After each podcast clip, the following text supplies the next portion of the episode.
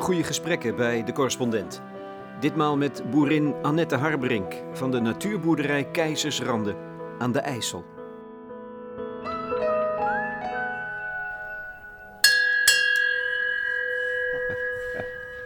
Oh, jongens. Ik loop zonder jas naar buiten, midden februari, met uitzicht, oer-Hollands uitzicht over de IJssel. Nabij Deventer. Er wappert een vlag. Demeter, is dat niet de, de godin van de vruchtbaarheid? Het water staat niet hoog. Je ziet af en toe zo'n vrachtschip voorbij schuiven in het beeld.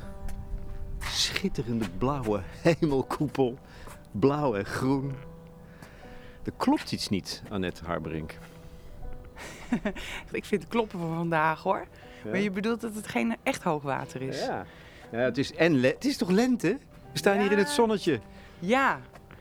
Ja, het, nou ja, het, de koeien vinden ook eigenlijk dat het wel tijd is om naar buiten te gaan. Maar het is nog heel vroeg in het jaar, ja. Er zit nog geen blad aan de bomen, daar zie je het aan, hè? Ja. Voor de rest is het gewoon perfect. ja. Maar het verontrust je niet nu, dit gevoel. Nee, niet meer. Nee? Nee, ik, nee, je denkt wel eens, goh, het is veel te vroeg. En, en, en eh, de wilgen die komen al in bloei, kan helemaal niet. Bijen vliegen al uit. Dan denk je, oh, bijen, doe dat nou niet. Dat kost heel veel energie. Eh, en straks wordt het misschien alweer koud.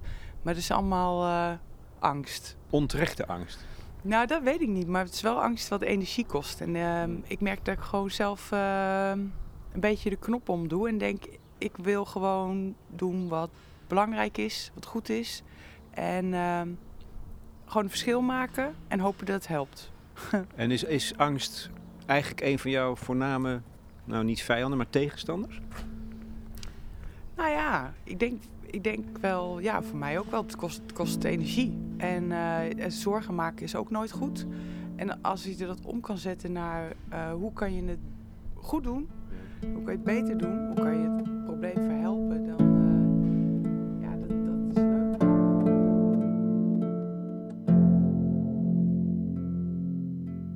Medio februari. Een vroege, verrukkelijke lentedag. We kijken uit over het landschap van de IJssel. De meanderende rivier die wel buiten haar oevers is getreden, maar niet zo erg. Grote delen van de uiterwaarden liggen groen voor ons. Sinds vijf jaar houdt Annette Harberink hier een boerderij, annex Natuurderij, Keizersrande. Die ligt een paar kilometer ten noorden van Deventer. Het uitzicht is groots, een oud-Hollands schilderij. Het is een plek om met volle teugen van te genieten. Doet zij dat zelf ook? Ja, heel erg. En het vervelende is dat het wendt. Maar op een dag als vandaag, dan denk ik wel, wat een ontzettend mooi land. Afgelopen zomer zakte ik voor Radio 4 met een bootje de IJssel af en bracht ik al een bezoek aan Keizersrande. Annette Harberink waarschuwde me toen op indringende wijze voor het gevaar van het water in Nederland. En ik dacht toen, oké, ik ga terug in de winter, als dat water hoog staat. Ja, dat was wel eh, vaker eh, zo in het verleden. Dat dit de periode was dat er water stond. Tot waar komt het dan? Tot de muur, echt. Tot bij ons voor. We staan hier op een terras hè, bij de boerderij. Een steen, wat is het, een betonnen muurtje? Nou, een muurtje. sorry, sorry, sorry.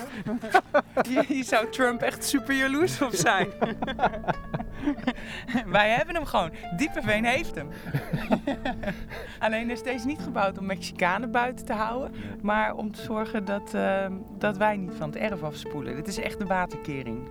Ja, dus vroeger bouwde je een terp. Ja. En, eh, te- maar een terp neemt heel veel ruimte in. eh, omdat daar een voet aan moet zitten. En een muur is wat praktischer. De boerderij ligt, notabene, in de uiterwaarden. Dus houd je de rivier en de beweging van het water altijd nauwlettend in de gaten. We staan 6,5 meter boven NAP. Dus dat is eigenlijk heel goed. Dat is al eh, dat is hoger dan eh, hele grote delen van Nederland.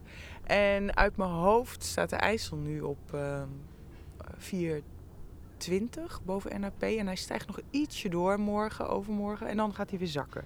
En we hebben de golf uit Duitsland gehad van vorige week. Dus ik dan een beetje wel naar te kijken hoor.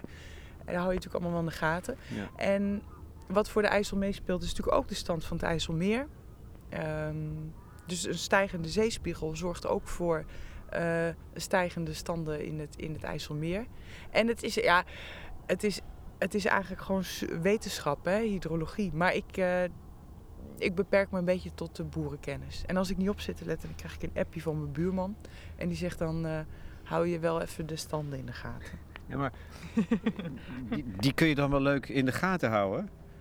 Maar wat kan je doen? Want volgens mij is dit hele bedrijf juist op de komst van het water ingesteld. Nou ja, niet op de komst, maar wij moeten wel zorgen dat als het er komt, als het komt, dat het hier goed, vlot weg kan stromen.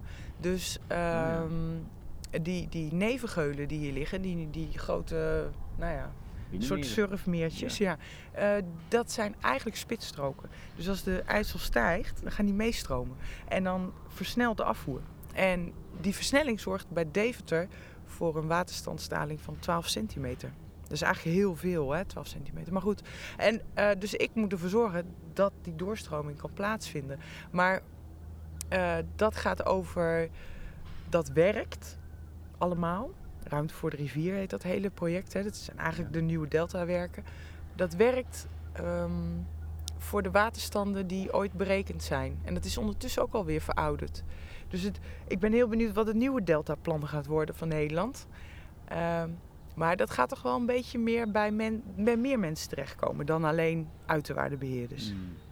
Dan gaan we gewoon zeggen met elkaar, jongens, wat, wat vinden we nou eigenlijk van die en die polder? Ik noem geen namen. Maar als het echt hoog water is, ja, dan zetten we dat gewoon onder water. Het wordt gewoon te duur om al het water eh, binnen de dijken te houden op termijn. Ja. En Ja, eh, dan zit ik hier op zich nog wel goed. Ja? Ja, ik zit, ja, ja wij, gaan, wij gaan hieronder met eh, waterstanden die gemiddeld één keer in de 100 jaar voorkomen. Dan ga je onder. Ja, dan, gaan we, dan moeten we eraf. Dan moeten we geëvacueerd. Ja. Maar, Dat, is nog niet, dat is nog niet, je zit hier vijf jaar, dat is nog niet gebeurd. hè? Nee, het nadeel is alleen dat de laatste keer in 1926 was. dus we zijn wel een beetje... qua statistiek weet ik niet helemaal. Maar ehm, aan de andere kant is het ook een hele geruststelling. Want als dat hier gebeurt, ehm, wat dus kan, gewoon... dan staat ook twee derde van het roergebied een meter onder water. Dus kijk, dan heb ik een probleem. Maar dan ben ik echt niet de enige. Ja. Ja. Dus ik maak me er niet zo zorgen over. Ik zie het aankomen. Dat is ook wel een geruststelling, toch? Ik zie het gebeuren. Heel veel mensen zien het natuurlijk niet gebeuren. Ja. Die stoppen dus in jouw optiek een kop in het zand.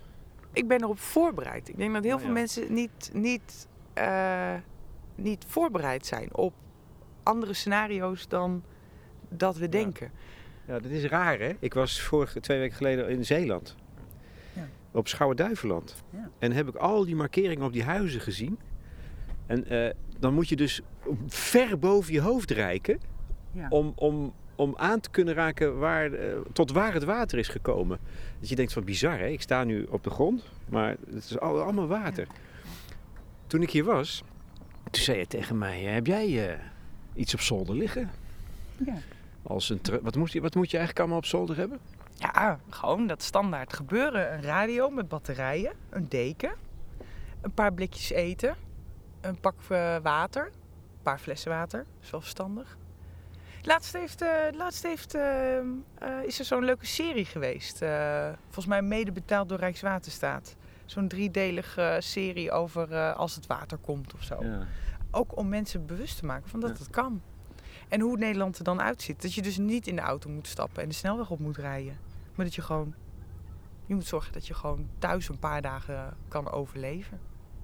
Ik heb nu zelfs op Zeeland gekeken en nog steeds heb ik het niet. Dat is natuurlijk zo raar. Het weten, het beseffen en overgaan tot die handelingen. Het heeft iets absurds. Ja. Alsof je er dan aan toegeeft dat het serieus is. Misschien is dat het wel. Ja, misschien. Misschien ook wel gewoon omdat, om- omdat we mensen zijn en gewoon wel vaker dingen weten, maar dan niet doen. Ja. Ja, kom. Ik moet ook een keer stoppen met roken. Ik weet ook dat het heel slecht is. maar ik doe het toch. nee, maar ik zou het serieus, ik zou het wel doen. Ik weet niet waar je woont, maar ik zou het wel doen. Nou ja, een paar meter onder eh, NAP. Ja, misschien is het dan ook inderdaad de moeite niet meer.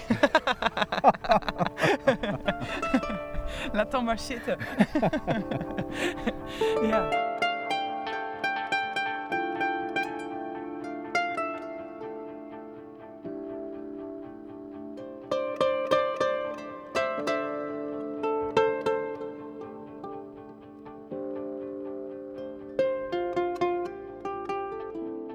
Annette Harbrink vestigde zich vijf jaar geleden op deze plek.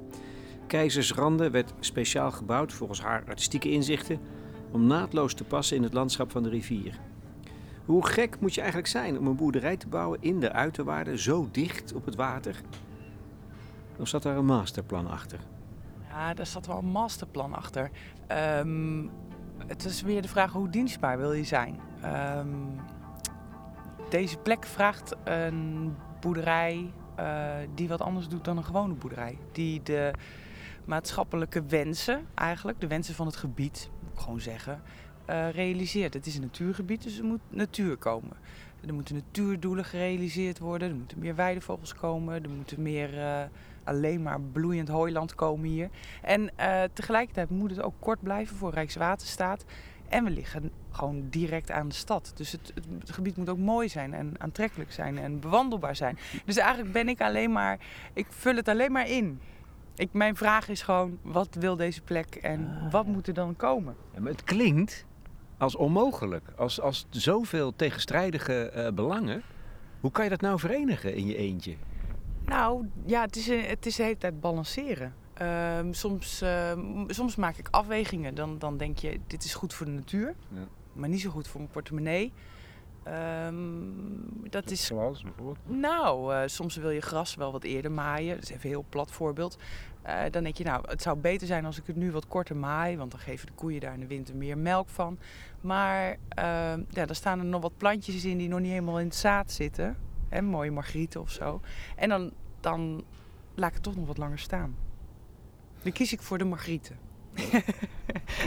en, en uiteindelijk, kijk, die, die, vaak is een financiële ehm, afweging een korte termijn beslissing. Dus ik heb dan misschien komende winter meer melk in de tank en meer geld op de bank. Maar um, meer margrieten is op de lange termijn um, winstgevender. Niet alleen voor die margrieten, maar moet je voorstellen als je hier um, in plaats van 5 hectare, 50 hectare met, met bloeiende uh, hooilanden hebt liggen. Hoe mooi dat is. En dan denk ik, daar wordt de melk uh, misschien minder van, maar uiteindelijk gewoon super lekker van. Dus al die mensen die hier dan weer lopen en dat zien, die krijgen gewoon spontaan zin in uh, een liter melk, een stukje kaas of een stukje vlees van hier. Dus het, ja, lange termijn. Ja. Nou, dan moet je wel geduld hebben. En dan heb je wel, denk ik, of niet? Ja, maar ook het resultaat willen zien. Ik zie ook wel dat ik in vijf jaar tijd uh, qua natuur ook wel dat het ook heel hard gaat als je dat. Ja, ja ik, ik merk dat ik af en toe wat vaker mag denken. Nou, het gaat wel goed genoeg. Ik mag alweer een beetje kiezen voor uh, de korte termijn. dus het is wel leuk. Ja, ja het werkt wel. Ja, ja, ja, dat is fantastisch. Ja.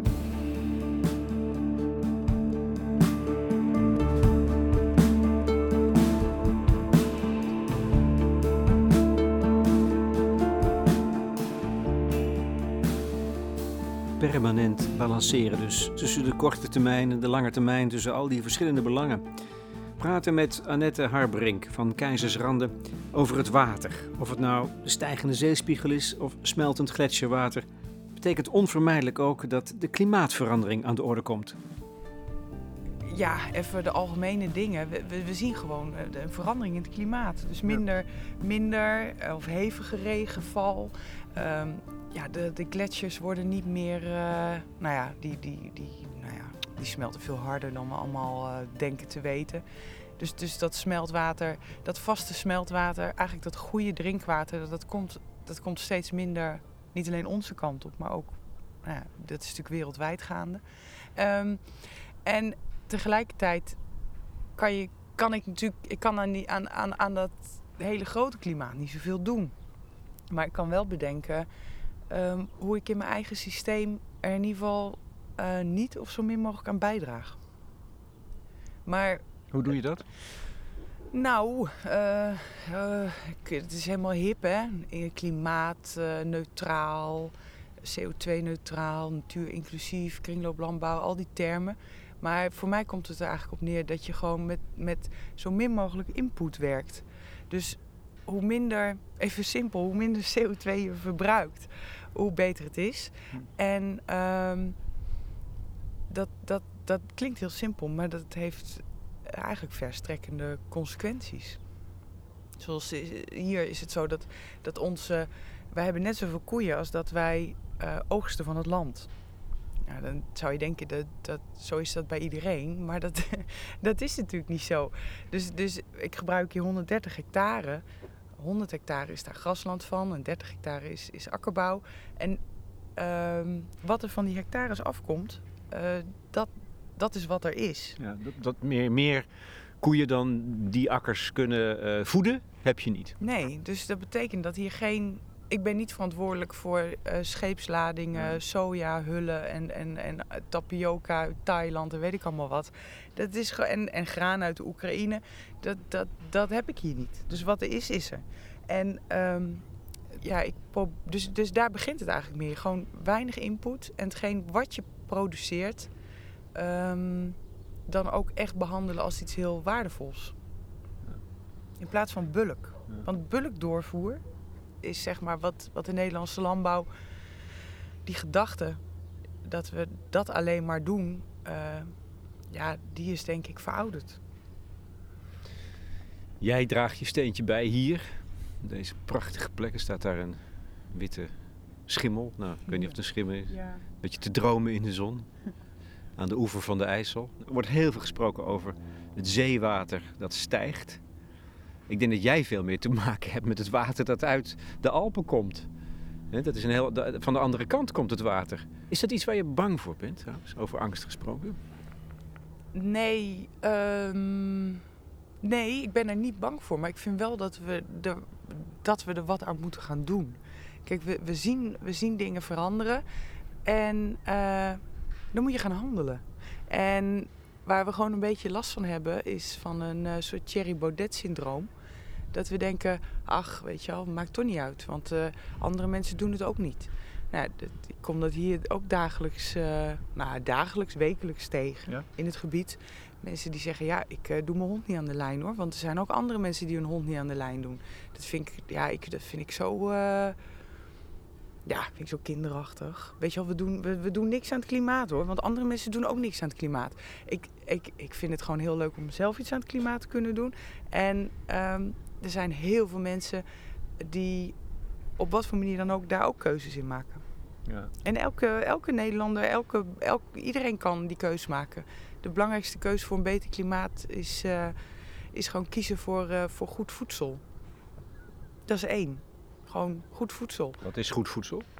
Nou, regionaal geproduceerd, uh, ja. uh, regionaal geproduceerde uh, groenten en fruit en wat minder vlees eten. En als je vlees eet, vlees eten van, van bedrijven die werken zoals, zoals wij ook werken. Want dat kan, dat kan gewoon, dat laat je zien hier. Dat, dat, dat is ook een soort missie die je hebt, denk ik, hè? dat bewijzen? Ja, natuurlijk wil ik dat bewijzen, dat het kan. En, um, en, en, en de, gelukkig doe ik dat niet in mijn eentje. Er zijn natuurlijk veel meer boeren die, die vergelijkbaar werken zoals wij. Maar...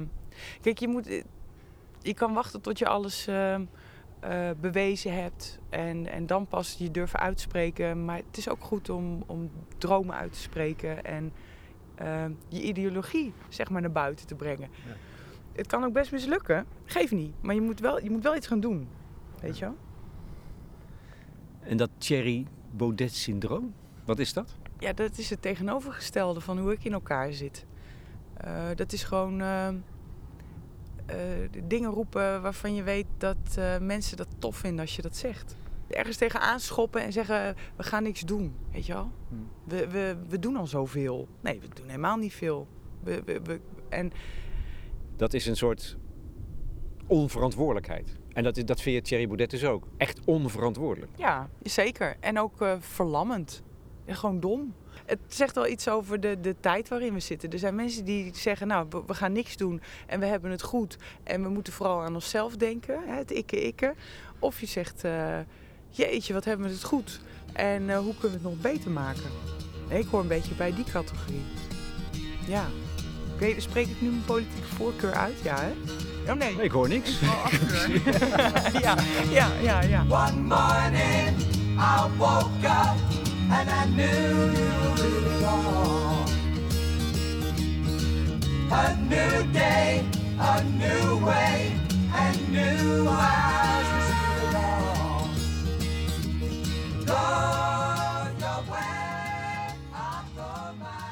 En, en, en je zei al, als er dingen gebeuren, krijg ik een appje van mijn buurman. Hm. Hoe zit het eigenlijk hier met de verbondenheid tussen jullie boeren onderling in deze? Streek? Het is het Overijssel hier op de grens met Gelderland natuurlijk. Ja, als we naar de overkant kijken, dan kijken we naar Gelderland. En de, ja, de, de grap hier is natuurlijk dat iedereen altijd zegt dat het aan zijn kant beter is. Dus als ik mijn buurman spreek aan de overkant, dan maken we altijd wel de grap van "Ah, aan deze kant is het toch beter of zo. Dus het is heel leuk. Ehm, en we hebben veel contact met elkaar, maar dat komt ook omdat we een beetje rare eilandbewonertjes zijn. Omdat we zo buiten die dijk zitten. Die dijk is echt een eh, visueel, eh, een visuele grens. Ik kan niet zien wat mijn buren, eigenlijk mijn naaste buren op het land aan het doen zijn. Maar ik kan het beter zien van mijn overbuurman. Ah, ja. Die als daar helemaal in Gelderland woont. En ik heb toevallig een hele leuke. Dus ik krijg ook wel, eh, ik krijg ook wel vaak appies van hem. Of hij belt even als er dan bijvoorbeeld een kalf geboren is. Dat ziet hij dan. Zegt hij, oh, buurvrouw, ligt weer een kalfie. En mijn buurman eh, aan de noordkant, eh, die woont al zijn hele leven in de Uitwaarden. Hm. En zijn familie ook. En eh, dat is wel uitzonderlijk dat je ook echt woont. Meestal is zijn uitwaardegrond is losse grond zonder bewoning erbij. En ja, die mensen die, die hebben ontzettend veel verstand van, van de rivieren. En die kunnen goed inschattingen maken. Dus als, als, de, als de moezel eh, bijvoorbeeld stijgt en dan kan hij, eh, hij weet dan of dat samen gaat vallen met een golf die al uit de Rijn kwam en wat dan nog de roer gaat doen. En dan kan hij goede voorspellingen maken. Dus dat is heel handig. En, ehm, en zij hebben er ook fysiek meer last van, want hun eh, oprit gaat ook bij 5 meter al, eh, al onder water. Dan moeten ze al varen, bij 5 meter boven NAP. Maar is er grote saamhorigheid tussen jullie onderling? Ja, je- op zich wel. Ah, ja, het zijn wel allemaal een beetje Einzelgangers, denk ik. eh, gek is dat nou. Dat verbaast me nou weer. Ja, nou ja, samenhorigheid. Ja, ik, weet, ik, weet, ik ben zelf ook een beetje Einzelganger, dus ik weet niet zo heel goed wat samenhorigheid is. Kijk, ik ben, ehm, ik ben een vreemde boer in de, in de bijt, zeg maar. Dus ik, Waarom? Nou, ik ben geen traditionele boer. Ik ben niet geboren hier. Ik ben niet opgegroeid op een boerderij. Eh, mijn, mijn buren zijn echt, eh, zijn echt boer. Die zijn hier geboren. Die, die hebben ehm, zeg maar vriendschappen die hun, hun vaders al met elkaar hadden. Dat hebben de zoons weer. En ook eh, de, de bekende eh vetes van, van die, die nog steeds spelen. Ook al was dat eh, drie generaties geleden. En, eh, dus ik, ik, ben, ik ben wel een beetje een aparteling. Dus ik kom niet uit de kameradenclub, zoals die hier ooit Hmm. opgegroeid is of zo. Maar ik heb mijn eigen kameradenclub gewoon. En Wie zijn dat dan? Nou, dat zijn collega eh, BD-boeren. Die op dezelfde manier boeren als ik. BD. Ja, biologisch dynamisch. Dat is die Demetervlag. Dat is eigenlijk eh, ja, dat is het keurmerk waaronder we werken. En eh, daar, daar, daar, ja, daar hebben we wel echt heel veel. We hebben heel veel contacten onderling. Ook over dilemma's waar je tegenaan loopt, onderzoeken die naar buiten komen. Dat je denkt, wow, wat, wat gaan we hiermee doen? Maar er is ook, blijkt er dan ook veel creativiteit te zijn bij jullie? En deel je die ook? Want, want wat zijn de dilemma's en hoe, los, hoe zijn er dan slimme oplossingen? Nou, eh, de grootste dilemma's zijn inderdaad de, de, de, de dilemma's waar je niet eh, zomaar een antwoord op hebt. Wat mij op dit moment bezighoudt is dat er ehm, een studie is gedaan door een eh, akkerbouwer. Ehm, en die heeft eh, uit zitten rekenen hoeveel kilojoule er nodig is om een kilojoule te produceren. Ja. Ja, ja. En ehm, tot ergens in de jaren 60 was het zo dat je, eh, ik doe het even kort door de bocht, eh, bij spreken 1 kilojoule in een hectare stopte. En dan kwam er 2 kilojoule uit. Mooi. Ja, had je winst. Ja. Had je winst. En ehm, nu is het zo dat we ehm 6 of 7 kilojoule erin stoppen. En er bij spreken 2,5 uithalen. En dat, dat, dat is toch even iets heel anders dan al die geluiden die je hoort over dat de Nederlandse landbouw de meest efficiënte en toonaangevende en, en koploper is. Ehm, en dat we het zo fantastisch doen, denk ik, wow, zeg maar. ik had een gevoel al een beetje. Het klopt niet helemaal wat we aan het doen zijn, maar dat, dat klopt dus echt niet. En dan denk ik, hoe zit het dan voor mijn systeem? En daar heb je het met collega's over. En hoe reken je dat uit? En dat is niet zo makkelijk. Dus hoe krijgen we mensen die dat voor ons uitrekenen? Zodat je echt aanpassingen kan doen die, die uh, ervoor zorgen dat je tot een landbouwsysteem komt wat, wat uh, echt een positief saldo oplevert. Die energie-input komt door kunstmest, komt door high-tech die we, die we erin stoppen, komt door diesel die, die, die we erin stoppen. Het komt door allerlei factoren. En uh, we halen wel meer van ons, daar, daar, komt het eigenlijk op neer. We halen wel hogere opbrengsten dan in de jaren 60, maar er is ook veel meer energie nodig om dat eruit te krijgen. Kijk, die, die boten, die, zo'n boot die nu ook langs vaart, uh, de helft van de boten die hier langs vaart, varen langs met losse grondstoffen. Die gaan naar krachtvoerfabrieken. Uh, die energie werd vroeger niet in de landbouw gestopt. En even filosoferen, welke energie wel? En dat was mensenenergie. Het, het, de werkende mens. Ja, arbeid. Arbeid. En dat is, dat is de sleutel. Hoe, hoe, hoe, hoe zorgen we ervoor dat, dat we die arbeid weer inzetten of krijgen op onze bedrijven? Um, niet zoals vroeger, dat, dat er allemaal ergens in een of ander uh, naar hokje ergens in de stal een hele club uh, knechten moest slapen. Maar um, hoe, hoe krijg je wel weer die mensenenergie erin? Ja, ja. En, en, en, um, aan, en tegelijkertijd zie je, zien we natuurlijk vanuit, vanuit um, de samenleving ook mensen die juist zoeken naar zingevend werk. Heel erg zoeken naar zingeving, naar werk wat direct resultaat oplevert. Wat, wat, een, wat voldoening geeft. En, ja. en dat heb jij, dit, dit is een plek, deze keizersranden is een plek die dat te bieden heeft. Ja, omdat alles wat je doet direct zichtbaar is. Elke keuze die je maakt, hm. Elke handeling die je verricht, zie je terug. Dat is landbouw. En, en deze vorm van landbouw heel erg natuurlijk. Omdat het allemaal hier is. En het is niet terug naar af of zo? Nee, het is een soort um, terug naar de toekomst. Je, het is zeg maar terug naar. Terug in de zin van even goed nadenken wat we aan het doen zijn.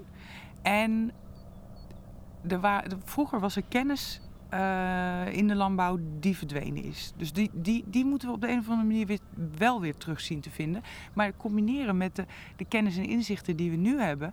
En we hebben natuurlijk een gigantisch voordeel ten opzichte van vroeger. Want, want uh, uh, we hebben internet, we hebben, hè, er, is een, er is een digitale snelweg. We kunnen, we kunnen vertellen, we kunnen communiceren over wat we doen. We kunnen mensen bij spreken online laten bestellen van onze producten. Er zijn, er zijn veel meer uh, mogelijkheden die de landbouw uh, dan met de kennis van vroeger, zeg maar, en de kennis van nu samen tot iets te geks maken. Ja, dat is heel hoopgevend, hè? Het is wel een beetje dan het tegenovergestelde van het Thierry Baudet-syndroom. Je, ben jij verroken? nee, hoef niet.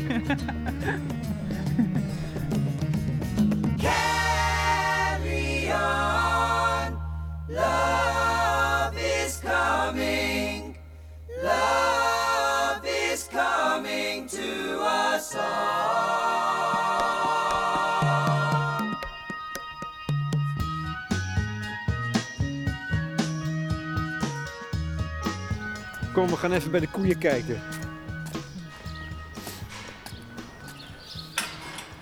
Nummer 3311. Ja. Ach, kijk eens. Het is een open schuur. Licht valt binnen door het, uh, door het dak. En dan die geur. Lekker. Heerlijk, heerlijk. Want dat is wat je echt bent, hè, volgens mij. Een, een melkveehouder in wezen. Kijk, het is een complex bedrijf. Zeer hybride zou je kunnen zeggen. Je gaat alle kanten op. Maar dit is, hier ligt je hart volgens mij. Ja, en het grootste dilemma. Maar hier verdienen we wel het geld. Ja. Ja, ja. we verdienen geld aan de melk en, de vlees, en het vlees. Dat is, echt, uh, dat is echt het grootste deel van onze omzet. Ja, ja. ja. Je doet het pas vijf jaar. Dus je bent hier begonnen opeens. Ja. Lol, met een droom? Ja, met, ja, ik wilde heel graag boer worden. Daar is het ooit mee begonnen. En, um, wanneer, wanneer is dat begonnen? Nou, echt toen ik uh, 17, 18 was. en, hoe ehm, begon dat dan? Nou, echt wel vanuit ja, een ideologie dat ik dacht, ik wil de wereld verbeteren. En um, ik dacht in eerste instantie, dan, dan, dan moet, je, moet ik veganist worden en veganistische groentes gaan telen. Omdat, het, omdat we natuurlijk met dat dierendilemma zit, zitten, als het ware. Um, en, uh, en dat is langzaam omgebogen naar dat ik het, het, werken, met, uh, het werken met vee eigenlijk juist heel erg, uh, heel erg mooi vind. En dankbaar vind. Maar wel ook altijd is dat, dat blijft wel mijn dilemma. Ik kan het zeggen, dat, dat, is een, dat is een omslag. Ja, dat is een omslag. Nou, het, het werk is gewoon het zijn prachtige dieren. Laat ik daarmee beginnen. Het zijn prachtige dieren en wat ze doen is waanzinnig natuurlijk. Ik bedoel, um, de, de rol van, van de koe in, in, um, in, in het ecologisch systeem is natuurlijk heel belangrijk. Het, het is het enige dier wat um, uh, ja, onbruikbaar materiaal, waar we heel veel van hebben, uh, gras, om kan zetten in hoogwaardig eiwit, melk en vlees. En ook mest uh, produceert waarmee we onze akkers vruchtbaar kunnen houden. Dus, dus die koe, die, je kan die koe niet, je kan, je kan niet zonder die koe. Daar komt het eigenlijk op neer. Je staat er nu met je linkerhand sta je ja. een, een, kop te strelen. Ja, een, een pinky die komt even aandacht vragen. Ja. Ja, nee, maar ken je ze allemaal? Ja, ja, ik heb er niet zoveel, dus ik ken ze allemaal. Ja. De tachtigen? Uh, nou ja, ik, heb, ik ben wat gezakt. Ik ben wat minder koeien gaan melken. En, uh, maar alle dieren bij elkaar heb ik, heb ik iets meer dan 100. Ook de kleintjes meegerekend. Hè? Ja. ja. Nee, maar de, je houdt ze wel in gevangenschap. En je gebruikt ze. Dat is natuurlijk een dingetje. De vraag is, wat staat daarvoor terug? Dat doet ook zeer. Ja, uh, kijk, eerst dacht ik... Voel, ja, ik dacht eerst, we moeten het zonder dieren doen. Dat is beter. Maar um, dat kan niet helemaal. Want we hebben, die mes, we hebben die mes nodig en we hebben dat gras. Dus even, dat is even een soort rationeel gedacht. En, en het zijn dieren waar je... Uh, het, het tam maken, het houden van dieren, daar zit ook een... Uh, dat, geeft, dat geeft mensen iets. Dat vinden mensen fijn om te doen. Daarom hebben mensen ook paarden. Of... Dat vind jij ook fijn om te doen? Ja, dat is, ja, dat is het. Het heeft iets heel moois. Want? Maar, want? Want? Nou, daar word je dus gelukkig van of zo. het geeft een heerlijk gevoel om, om tussen dieren te zijn. Mensen zoeken toch dieren op. En, maar en... heeft dat met je Einzelgangerschap te maken? Dat je mensen veel vreemdere wezens vindt dan deze... Nee, deze... zo erg is het niet. Zo erg wel, is zo, het niet. zo is het erg, zo is het wel volgens mij. nee, het is niet zo dat ik, dat ik denk, oh, ik kan dieren altijd vertrouwen of zo. En mensen niet, nee. Maar het, nee, maar het, het brengt ons iets. Het geeft ja. ons niet alleen voeding, maar het... het ja, ik, ik, ik denk dat het gaat over een soort van verbondenheid. Ja, ja. Ja, en het, en het, en het, het spreekt een, uh, een, een zekere. Uh, het vraagt ook een verantwoordelijkheid van zorg. Het vraagt. Het, zijn, ja, maar het wordt nu wel heel erg met die pink. Ja, is goed. Ja. Oh, wij beginnen nu de microfoon af te likken. Ja. Maar dat geeft niet. Uh, uits, uitslover, uitslover. Nee, maar... Ik, ik zeg hij, maar het is een zij. Het is een zij. Ja, oh, geef Dat is mijn stadse Geeft niet. Geef onervarenheid. Geeft niet. Eigenlijk zou het verschil er niet moeten zijn, hè. Maar um, ja, gen genderneutrale koeien. Ja ja, ja, ja, ja, dat willen wij heel graag. Maar ik wil, ik wil, ja, ik zou al mijn stieren heel graag willen houden.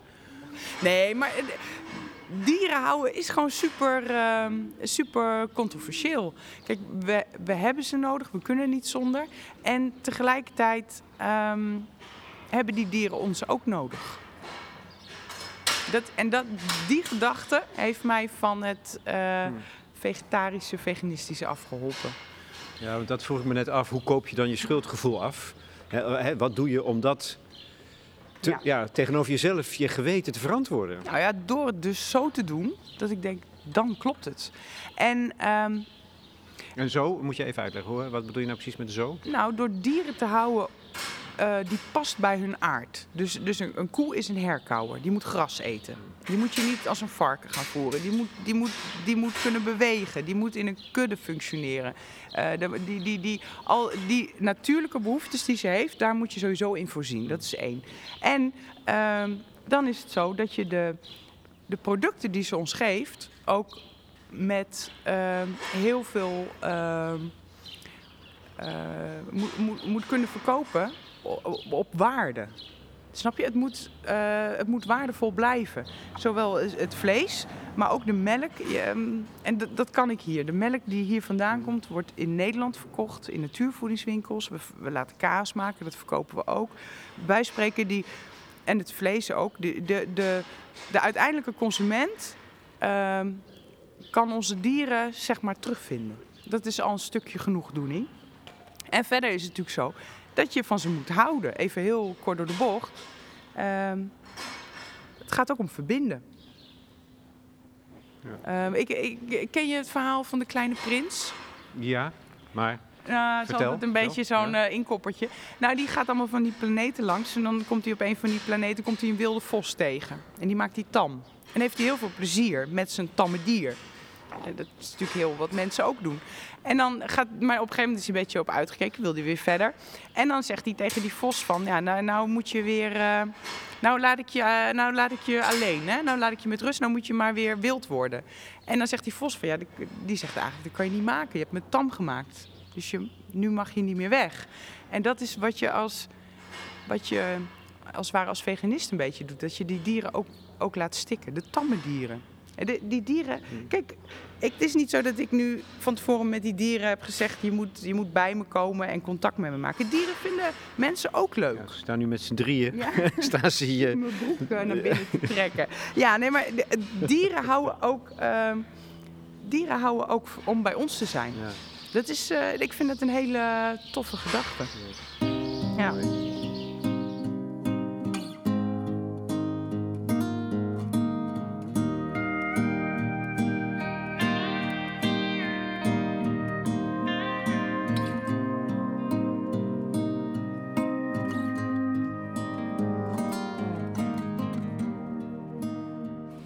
Kijk, natuur. Laatste onderwerp. Want je ziet hier, het is, het is een bedrijf, veehouderij. Je gaat met water om, waterbeheer. Maar je, doet, je, je, je zit ook nog, volgens mij, midden in de natuur. Ja, de natuur die kenmerkend is voor dit, ja. dit gebied, voor deze regio, die zien we eigenlijk pas in mei, juni. Ja, ja. Um, wat, de grond die we hier hebben bij de boerderij is allemaal uh, aangewezen als natuurgebied. Dus het is allemaal natuur. Het is eigenlijk... Dat gewoon voor mij weilanden zijn. Ja, maar, ja, maar dat, dat is dus grappig. Uh, uh, natuur is, is, is, is, is ook cultuur. Het, de natuur, de biodiversiteit die, die in het cultuurlandschap hoort, hmm. dat is wat wij versterken. En voor mij gelden dezelfde uh, restricties of, of, of, wensen, zeg maar, die ook voor Staatsbosbeheer gelden langs de, langs de uiterwaarden. Dus we willen allemaal dezelfde soort plantjes en we willen allemaal uh, dezelfde soort vogels die het hier goed doen. En ehm, een heel groot deel van, van, die, van die natuur kan je dus als boer ook produceren. Of een handje helpen. Het is maar net hoe je het noemt. Nou ja. Dus we hebben hier we hebben hier weidevogels natuurlijk. Maar we willen het liefst dat de kwartelkoning hier komt zitten. Um, we onderhouden de landschapselementen. Dus de knotwilgen, de hagen, de heggen, de poelen, de wielen, de, de, de doorbraakjes, die, uh, de, de, plassen die maar hier is liggen. Dat, is dat dan Doe je dat dan vrijwillig? Of word je daarvoor betaald? Nee of? joh, dat doe ik niet vrijwillig. Het nee. is echt heel veel werk. Ja, ik wou het zeggen. Dan kan je er helemaal niet bij hebben. Nee, nee. Nou ja, we doen het wel. We doen het als wel. onderdeel van je maar bedrijfsvoering. Ik doe dat als aannemer. Dat is, uh, oh, ja. dat is uh, heel veel werk. Dus ik, daar krijg, dat heet een beheervergoeding. Sommige mensen ja. denken dat het subsidie is. Maar het is een vergoeding voor het beheer wat ik doe. Ja, het is gewoon dus hard werken. Het is gewoon werken. En daar word ik voor betaald. En dat klopt ook, want het is een maatschappelijke dienst die ik lever. Het is in het belang van iedereen dat we, de, uh, dat we akkerlanden in Nederland houden waar korenbloemen, klaprozen in staan. Of nog mooier, korensla. Er zijn zoveel onkruiden, algemene soorten die nog eigenlijk op de Otto en Sien tekeningen vroeger stonden, die verdwijnen uit dit land. En uh, het behoud van, uh, van, van die natuur is gewoon, ja, dat is onze taak. En ik ben, niet, ik ben geen ecoloog. Ik heb geen enorme uh, eh, plantenkennis of zo. Ik heb geen Larenstein gedaan, eh bij wijze van spreken. Maar het gaat erom dat je het ziet. En dat je afwijkingen ziet. Of dat je, terwijl je aan het maaien bent, eh, bijvoorbeeld eh, een, een plant tegenkomt. Dat je denkt, hmm, ik weet niet wat er staat. Maar ik maai er even omheen. En dan ga ik later gewoon met mijn... Ik heb zo'n app op mijn telefoon. En dan kijk ik wat het is. En dan soms is het gewoon niet heel stoms wat uit de intratuin komt. Maar soms is het ook gewoon eh, net even die, die doelsoort die je, die, je, die je wil hebben. Dus eh, dat, dat is... eh, wat, moet je, eh, wat moet je voor veel markten thuis zijn, Annette? Ja, je moet een beetje, je moet een beetje eh, van alles eh, weten. Maar dat maar is van, van alles houden. Ja. Ja, maar het is ook wel heel belangrijk dat je van je werk houdt, toch? Ik, ik, het ziet eruit, nu is het rustig. Je bent er met z'n tweetjes, omdat het winter is natuurlijk. Maar het ziet eruit als een bloeiend bedrijf. Hoe kwetsbaar ben je? Hmm. Gelukkig, maar Ehm, kwetsbaar. Ja, nou wat kwetsbaar is aan, aan, aan dit systeem hier, aan dit bedrijf, is dat, eh, ehm, dat, ik, eh, dat, dat ik als het ware alleen ben als mens. Eh, hoe zeg je dat? Het is een eenmanszaak. En, en daar, daar zit een soort eh, stukje sociale kwetsbaarheid in. In die zin, heel plat, als ik eh, morgen mijn been breek, heb ik wel een probleem. Snap je? Ja. en, en je zou eigenlijk willen, en dat is ook waar we naartoe werken, is dat je met. ehm, eh, dat je. We doen heel veel. Hè? We doen eh, melkvee, we doen akkerbouw. Nu we zeg doen je weer we. natuurbeheer. Ja, want we werken hier ook wel echt met meer mensen. tuurlijk, het is nu ja. een rustig Ja, maar bent-. Maar ik ben, het komt wel het uiteindelijk op, jou, ja, het komt uiteindelijk allemaal op mij neer. En eh, uiteindelijk wil je gewoon met een, moet je gewoon landbouw moet ook weer een soort sociale, ehm, een sociale structuur krijgen dat je met meerdere mensen die verantwoordelijkheid draagt, dus onderling vervangbaar bent ook, en dat je ehm, het, het zware van het vak is dat je, dat je er altijd moet zijn. Ja. En dat het altijd uiteindelijk op jou neerkomt. Dus je, als je dat kan gaan delen, en of dat dan met klanten is of met collega's, of da- daar die meer samenwerken, zodat, dat is iets voor de toekomst. is niet makkelijk voor een uh, Einzelganger. nee, maar als je nou meerdere Einzelgangers dan bij elkaar hebt, en je maakt gewoon goede afspraken, dan komt het ook wel weer goed. Ja, de club van de Einzelgangers. Ja, ja, ja. Nou, ik ben geen specialist. En wat dit bedrijf over Ja. eh, vijf jaar nodig heeft, zijn juist specialisten. Iemand die de koeien nog veel beter gaat doen dan ik. Ja. En eh, iemand die het landwerk en de natuur, die echt heel veel verstand heeft van natuur bijvoorbeeld. Hè? Dus je, ehm, ja, hoe, hoe meer wij verbreden, hoe meer ruimte er ook komt voor specialisatie. En dan zitten we, dat is dan mijn droomplaatje, over, over tien jaar, dan zitten we nog steeds op deze grond, nog steeds bij deze rivier, ehm, met een vergelijkbaar aantal koeien. En dan is er iemand die de koeien doet. Hmm. En is er iemand die, die in de slagerij werkt. Eh, dan hebben we de afzet van al onze producten gaat direct naar klanten. Dan werken we op, op dit bedrijf met maar, met maar 130 hectare, eh, 65 melkkoeien. Daar, daar werken eh, dan, eh, wij spreken, vijf, eh, vijf mensen op. Er komen dus vijf inkomens uit een, een ondergemiddeld aantal melkkoeien. Dat is, dan, wordt het, dan wordt het echt leuk. Ik gun het je, ik wens het je toe. De laatste vraag. Ik heb John Burgess, schrijver, die zich terugtrok, kunstkenner en Brit, die trok zich terug in de Haute-Savoie, ging boeren. En die, en die zag hè, het, het, het, het verdwijnen van de kleine boeren. En die zei, weet je wat, er daar, wat, je wat daarmee verloren gaat? Dat is de kunst van het overleven. Ben jij een overleveraar? Ja. Ja. Maar dat kan je mensen dus ook weer aanbieden. Als jij een weekje bij ons komt helpen, dan ben jij gewoon, dan heb jij al je survival skills. En dan kom je na die week weer thuis in, de- in de Randstad. En dan haal je een bootje en dat leg je op zolder. en dan zorg je dat, je dat je altijd een paar dingen bij je hebt. Een nijptang, een stukje ijzerdraad, een taai Maar dat ben je wel, hè? Ja, maar dat moet. Dat is het leuke aan landbouw. Niemand komt je helpen. Ja, maar daar put je, uiteindelijk put je daar misschien ook wel je, je kracht uit. Ja, maar dat is ook wat mensen kunnen. Dit is mensenwerk. Kijk, Kijken wat er is, problemen voorkomen en werken. Gewoon werken. Ik vind het een heerlijke plek. Dankjewel. Ik hoop dat je heel lang hier blijft zitten, Annette. Ja, ik ook. Ja, maar ik ga, mijn plan is dat ik dan over 10 jaar of over 15 jaar naar Frankrijk ga en daar gewoon kunstenaar word. Ik draai hem om. Daar begin je nu mee. Wat is dit nu weer? Wat is dit voor ambitie? Nee, Daar ben je al mee bezig? nee maar ik ben, ik ben nu landschapskunstenaar. Ik stoffeer het landschap, ik richt het in als vanuit een soort concept. Het ideale concept. Landbouw en kunst is heel verweven. Het is een kunstvorm. Boeren.